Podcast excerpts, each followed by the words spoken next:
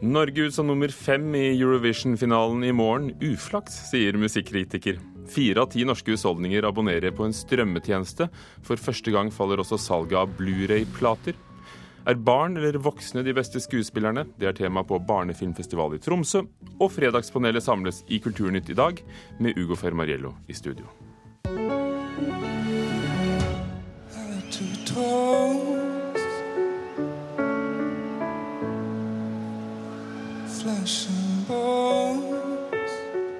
I går kveld sang Carl Espen i semifinalen i Melodi Grand Prix i København. Norge kom blant de ti landene som går videre til den store finalen i Eurovisjonens melodikonkurranse Eurovision Song Contest i morgen. Og konkurransen blir hard. Norway! Ja. Uker med forberedelser har betalt seg. Det var denne beskjeden Carl Espen skulle ha. Norges bidrag Silent Storm blir nå å finne i Eurovision-finalen på lørdag.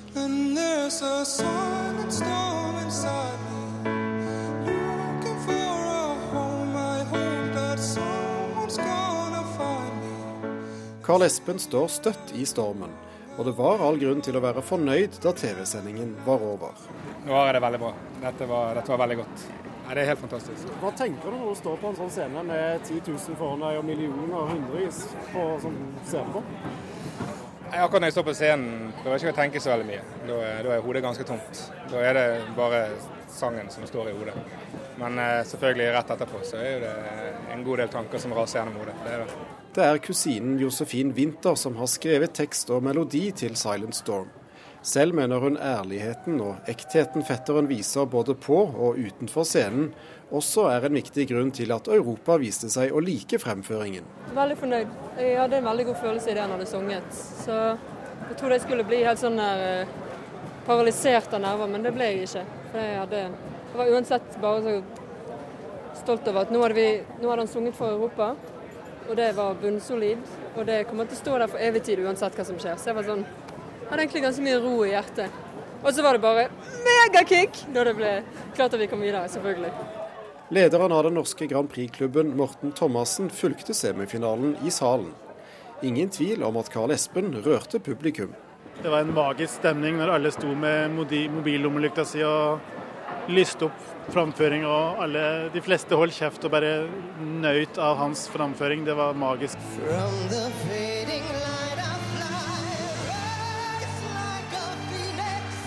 Carl Espen får med seg mange sterke konkurrenter til finalen. Deriblant nattens dronning Conchita Wurst fra Østerrike, ikledd aftenkjole og skjegg. Men Norge har en halv sjanse til. For Ovi fra Bryne synger for Romania, og har enda en nordmann med på låtskriverlaget. Selvfølgelig blir det en uh, seier, så blir en norsk seier, uten tvil.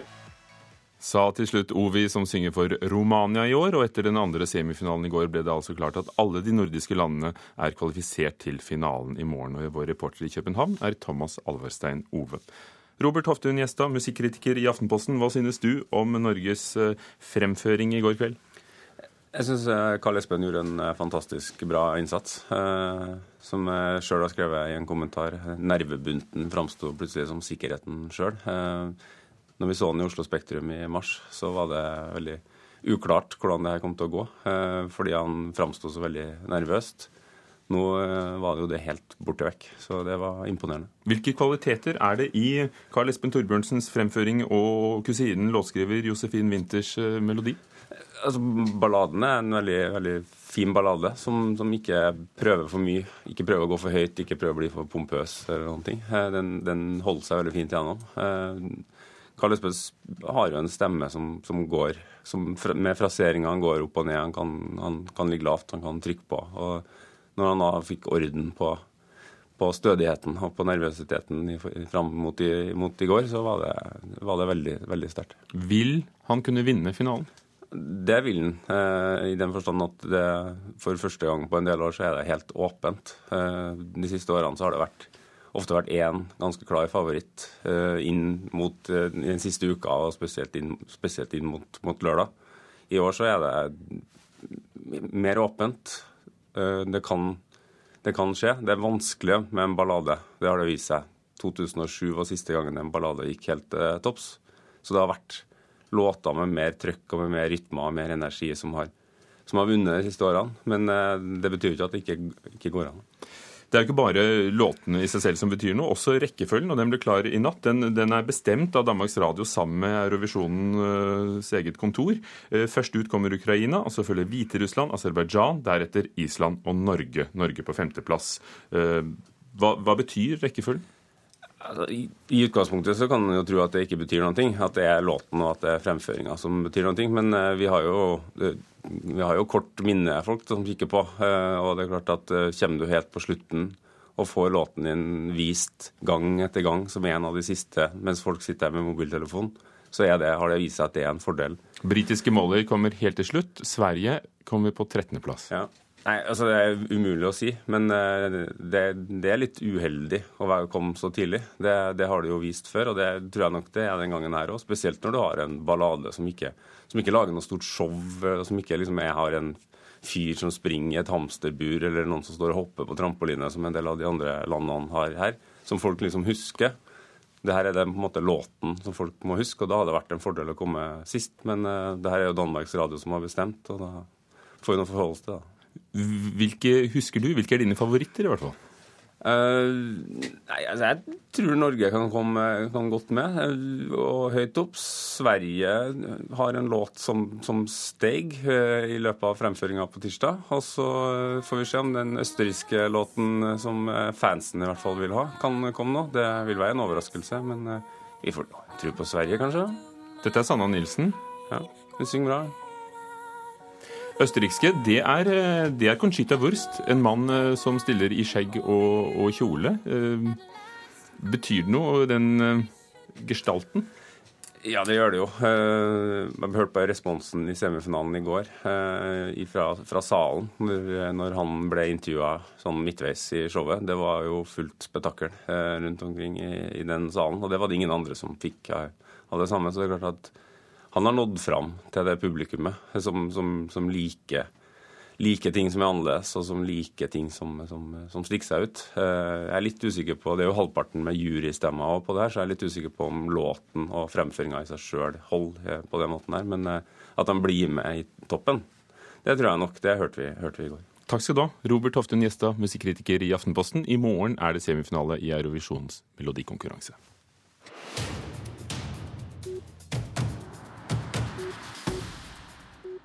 Store danske bedrifter går gjennom IT-systemene sine etter eh, Se og Hør-skandalen i eh, Danmark. En 45 år gammel IT-spesialist er siktet for å ha solgt opplysninger om danske kjendiser og kongeliges bruk av kredittkort til eh, Se og Hør. Nå går flere selskaper gjennom systemene sine for å finne ut om det er hull i datasikkerheten, skriver den danske avisen Børsen.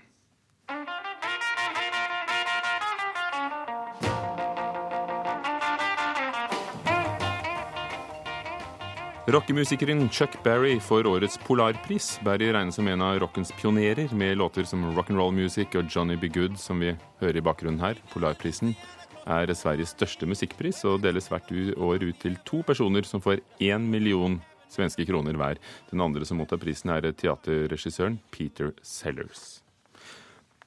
Apple vurderer å kjøpe selskapet Beats Electronics, som produserer hodetelefoner og har en strømmetjeneste for musikk. Ifølge Financial Times forhandler Apple om å kjøpe firmaet, som ble grunnlagt av rapperen og hiphop-produsenten Dr. Dre. Prisen skal være 3,2 milliarder dollar, rundt 19 milliarder norske kroner. Hvis dette stemmer, vil det være det største oppkjøpet Apple noensinne har gjort. Fire av ti norske husholdninger abonnerer på en strømmetjeneste for film og TV-serier, viser en ny undersøkelse. Klart størst er Netflix, hver fjerde husstand har tilgang til tjenesten. Samtidig fortsetter DVD-salget å synke. For første gang synker også salget av Blu-ray-plater. Akkurat nå er det Archer, som er uh, en animert uh, spionserie. Um, ja. Ole Emil Øygarden ser på en episode av serien Archer på laptopen sin. Det gjør han på strømmetjenesten Netflix. Jeg har jo ikke noe, jeg har ikke noe vanlige TV-kanaler, eller noe sånt, så det eneste jeg har, er sånne ting jeg streamer. da. Ole Emil er ikke unik. I en undersøking fra analysebyrået GFK som blir lagt fram i dag, kommer det fram at fire av ti norske husstander nå har tilgang til en strømmetjeneste for film og serier på nett. Samtidig stuper salget av DVD og Blu-ray. Fra 2012 til 2013 gikk salget av disse fysiske formatene ned med 36% Den isolert sett er, er, er selvfølgelig dramatisk, men, men, effekten av den over tid vil man jo se når man ser hvor mye det digitale stiger i forhold til hvor mye det fysiske synker. Det sier Jon Einar Sivertsen i Norsk Videogramforening, som representerer selskapene som selger DVD og Blu-ray. Selv om norske forbrukere nå svikter DVD-en, tror ikke han at de fysiske formatene vil forsvinne helt.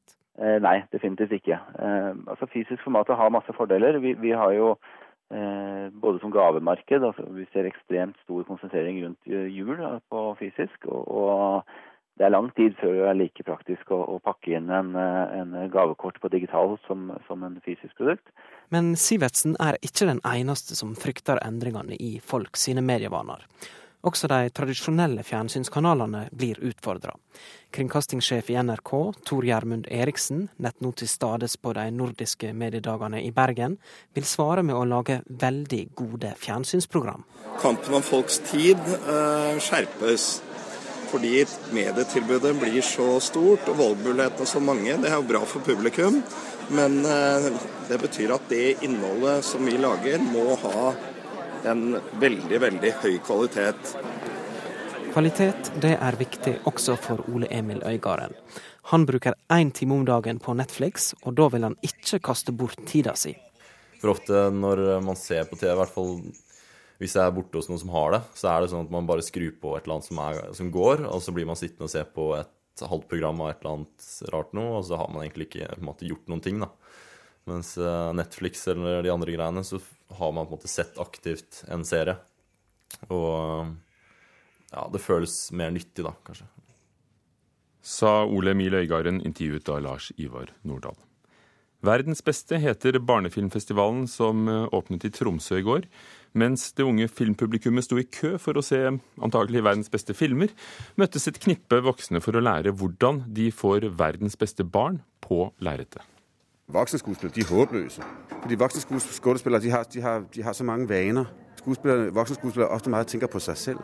Gør jeg meg godt? Gør jeg det godt? Den danske regissøren Martin Mie Renhardt har laga filmen 'Oppdrag MGP Junior', som var åpningsfilm på verdens beste Tromsø barnefilmfestival i går. Og han syns at barn er bedre enn voksne til å ta regi. Barn er mye mer åpne.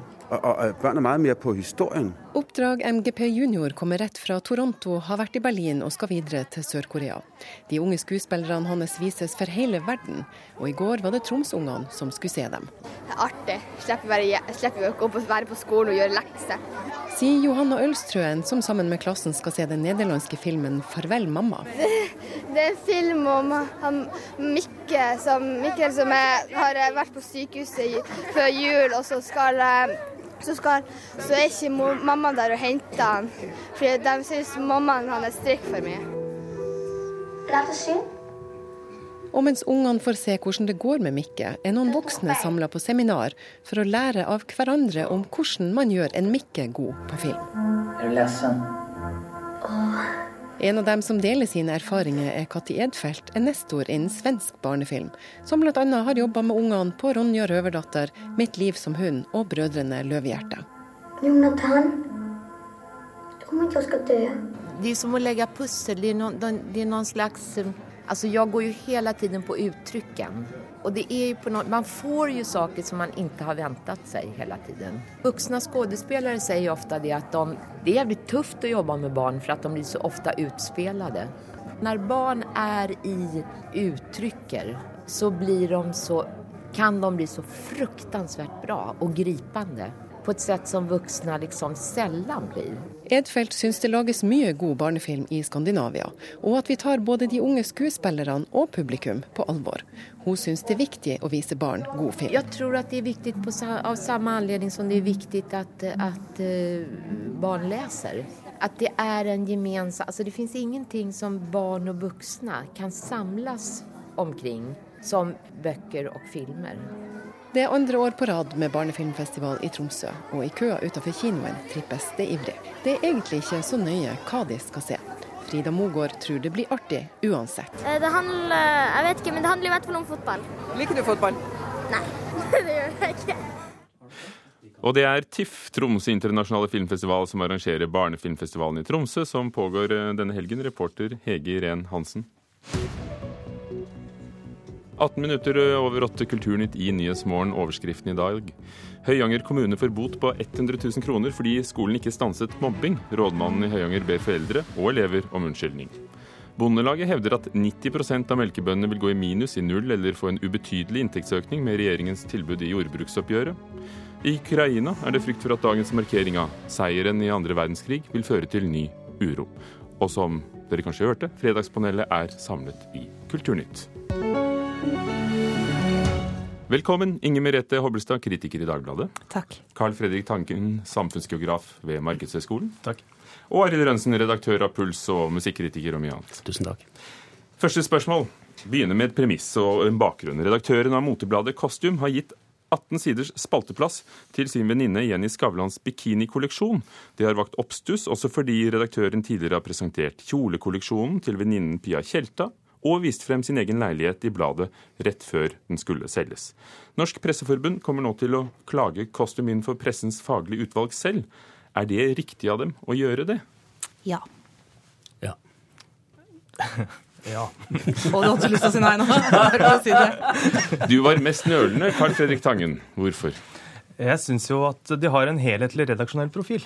Så det er jo ikke noe Det, det, har, det, det er jo kameraderi og venner og sånn he, hele, hele veien. Og det ene ved det er at du veit jo hva du har å forholde, forholde deg til. Det er litt sånn som en rekl et reklameinnlegg. Så når du, I Aftenposten så detter det ut en sånn der, et innlegg så heter det innova, innovasjon og utvikling. Så Statoil innoverer, veldig spennende. og, og, og, sånn blir jo de avisene litt også. Så det er sånn det der, Som leser så vet du at du både at du kan holde deg unna hva, og hvordan du kan forholde deg til det. Andre sida er vel at jeg kan jo skjønne at det er en sånn litt, liten verden. Nå skal vi finne nye norske designere og sånn. Hvor skal de leite hen? Det er litt sånn som det der hvite boksehåpet, altså som, som, du aldri klarer å, å, å finne. Så jeg, jeg skjønner liksom den desperasjonen som de har, hvis du skal leite etter den type sånn norsk moteukesuksesssaker. Eh, altså, det er en helt legitim sak at både Pia Tjelta og eh, Jenny Skavlan kommer med nye kolleksjoner. Men fordi det er personlige bånd her, så må man jo være desto mer densom i behandlingen. Da. Og er, her er det jo akkurat det motsatte som har skjedd. Altså, her det jo, virker det jo ganske tydelig at de får et løft pga. dette eh, personlige båndet. Eh, og når det er sagt, altså motebladene er en verden der altså, eh, linjen mellom reduksjonelt stoff og reklame er langt eh, tynnere og mer halvveis visket ut enn i andre, en god del andre sjangre innenfor pressen.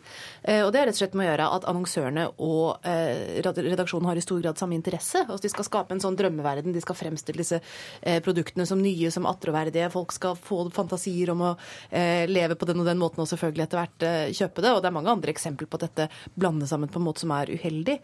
det som skjer her, er at det kommer det private kommer inn i det så tungt. Da. Altså at det, er, det er ikke bare bånd mellom bladet og annonsørene, det er bånd mellom redaksjonen og vennene deres som faktisk har noe å si. Og, altså, og det jo, blir jo ganske villedende for leserne deres, som tross alt tror kanskje at det de ser er eh, hva folk som jobber med mote faktisk oppriktig mener er det beste, tror er de kommende trendene. Eh, og så er det andre faktorer som er eh, tungt inne. Så det, det, har med troverdighet å gjøre, og det, med, det, er habilitet som spiller inn her også. Arild, du som er en traver i journalistikken, har ikke dette skjedd i andre sjangere, f.eks. i musikk? Og jo, definitivt. Og det er derfor jeg syns at det er bra hvis noen tar tak i det. Jeg, jeg, må si at jeg har holdt min sti rein der i 20-30 år i musikkjournalistikken. Så jeg, jeg, kjenner jo veldig mange popmusikere. Men jeg har ikke én eneste popmusiker som jeg veit om, som er liksom jeg kan si at er min nære venn. Og det har vært helt bevisst valg. Fordi at du får jo trøbbel hvis du skal drive et, et musikkblad, og så er du nær venn med en av de sjefene som skal gi ut plater. Uh, og i denne sammenhengen her, sånn så, så, kommer det jo inn, da, så vidt jeg har forstått Nå er ikke jeg noen leser av Kostium, kan du si. Uh, jeg, er målgru, jeg, er ikke i målgruppa. Uh, men så vidt jeg forstår, så har jo redaktøren tidligere altså, lagt ut leiligheten sin og så for salg. Det, det, det, blir en, det, blir jo et mønster ut av det. For, men for meg så er det jo sånn at uh, jeg, jeg, jeg, skjønner jo ikke journalistikken, som Karl Erik Grimstad sier at dette er ikke journalistikk. Jeg skjønner jo ikke at noen er interessert i å se på bikinidelene til uh, Jenny Skavlan. Jeg begriper ikke at noen folk kan betale penger for det. Men det gjør de. Ja, det gjør de. Kan jeg... her sånn så ser du jo for deg et kanskje på toppen Aftenposten seriøs, og så på bånn så er det Costume fullstendig useriøs. Men det har også med temaer å gjøre. Altså Hvis du leser Aftenposten, så kommer du til boligbilaget. Så begynner det å bli litt sånn. Altså Da ser du På den ene sida så er det reklame for det nye boligkomplekset, og på den andre sida så står det om det nye, spennende byutviklingsprosjektet på, på, på Ensjø. Så jeg, jeg, jeg synes at diskusjonen bør ikke bare gå på medier, men også på temaer. Som en som er interessert i nye bikinier, så må jeg si at jeg syns det er et helt legitimt samfunnsoppdrag å opplyse sånne som meg om hva som faktisk er å velge der ute. Men jeg vil gjerne at det kommer fordi noen syns de er fine, og ikke fordi eh, de, venninna deres har noe Forskjellige planeter. De kunne gi terningkast da, på, på, på alle bikiniene som fins, eller alle hudkremene. Flere terningkast, det ville løst alt, tror jeg. Det er veien. Det var bedre på 70-tallet da alle jentene var toppløse. Det har forandret seg. De bladene leser du, altså. Hvem som helst, viser det seg, kan faktisk betale for å få flere følgere i sosiale medier, apropos å like og mislike. Arbeidere i lavkostland får en luselønn for å, å like sider. Eh, en slags klikkfarmer blir dette her, og, og, det kan man kjøpe til produkter eller andre ting. Eh, Putin har jo egne for å, å mislike Ukraina, f.eks., har vi snakket om i Kulturnytt denne uken. Er det riktig å kjøpe seg oppmerksomhet eh, som ikke nødvendigvis er sannferdig? Riktig vet jeg ikke. Men jeg vet ikke om det er så smart, da. Fordi Nei. Nei. Nei. Ja. Altså en spørsmål om det er riktig. Det er ikke sånn eh, at du liksom har lyst til å stå med liksom pongponger på sidelinja og si hei, go, dette er eh, fantastisk. Men, men altså kan du si kanskje problemet med nivået på lønnen, men ellers så skiller jo ikke det seg, dette seg voldsomt fra hva reklame gjør i sin alminnelighet, og har gjort det alltid. Altså når du ser eh, en eller annen Hollywood-stjerne stå i TV-reklamen og snakke om hvor fantastisk det er med ny hjemmefargen til Loreal, og hvordan det dekker alle grå hår hun har osv. Altså, hun står ikke hjemme på badet og bruker Loreal hjemmefarge for å dekke over de grå hårene. Hun går til en frisør som koster 4500 kroner timen i Rodeo Drive. Mener du Så- at Sofia Loren ikke vasket seg med Lux-såpe? Er det, nå, er det en eller annen sånn barndomsglamorøs forestilling jeg slår i knas her nå? Ved å, uff, nei, men da, nei, glem det. Jeg mente, mente det ikke i det hele tatt. Men, men altså, det er jo altså, det at folk får betalt for å si at de liker noe de ikke liker, det er jo en, det er en veldig gammel måte å tjene penger på. Jeg tror kanskje ikke det er så smart av dem som bruker penger eh, på det sånn, Internett og all den teknologien åpner veldig for sånne kvantitative aktiviteter. Altså, du, altså tall, Tallaktiviteter. Du, har, du får mange følgere, du får mye. Men folk skjønner jo dette her. altså det er Ganske raskt så vil altså På samme måte som eh, når folk driver endorser, altså skryter av hverandre på, på, på, sånne, på sosiale sider, så skjønner de at her er det noe annet som, som foregår. Så jeg tror at mange vil kaste bort tida si på sånne store tall, når det er kvalitet eh, som, som vi vinnerne vil, eh, vil ha. Så her er det mange som vi aldri vil legge merke til i det hele tatt, som har millioner av følgere på Facebook. Eh, Inger Merete har selvfølgelig helt rett i at dette, dette er ikke noe nytt. Eh, dette har ikke minst i min bransje, altså DJ-er som blir kjøpt opp for å spille den, den og den låta. Ja, sånn har det vært i, siden det ble lagd den, den første singelen i verden. Eh, Så det er ikke noe nytt. Men det som er nytt i denne sammenhengen, det er at når du får liksom 25 000 likes, så er det 25 000 som er anonyme mennesker. Så det, det, det bare ser ut som du er blitt fryktelig populær, og så er du egentlig ikke det i det hele tatt. Så det syns jeg jeg egentlig er. Men, men altså, og, eh, hvis jeg skulle, jeg skulle ikke brukt én kalori til å gå til kamp mot dette systemet. Altså at det at det finnes, for det kommer til å finnes til evig tid. Og ikke minst fordi at det finnes de der likefarmene, eller hva det er for noe, altså. Hvor, hvor, folk får betalt én krone for hver eh, likes de kommer med. Så det vil eksistere til evig tid. Og det er ikke noe å drive og mase med. Det er ikke noe stort problem. For Forskjellen mellom dette eller Sofia Loren er jo at vi ikke vet at de får betalt.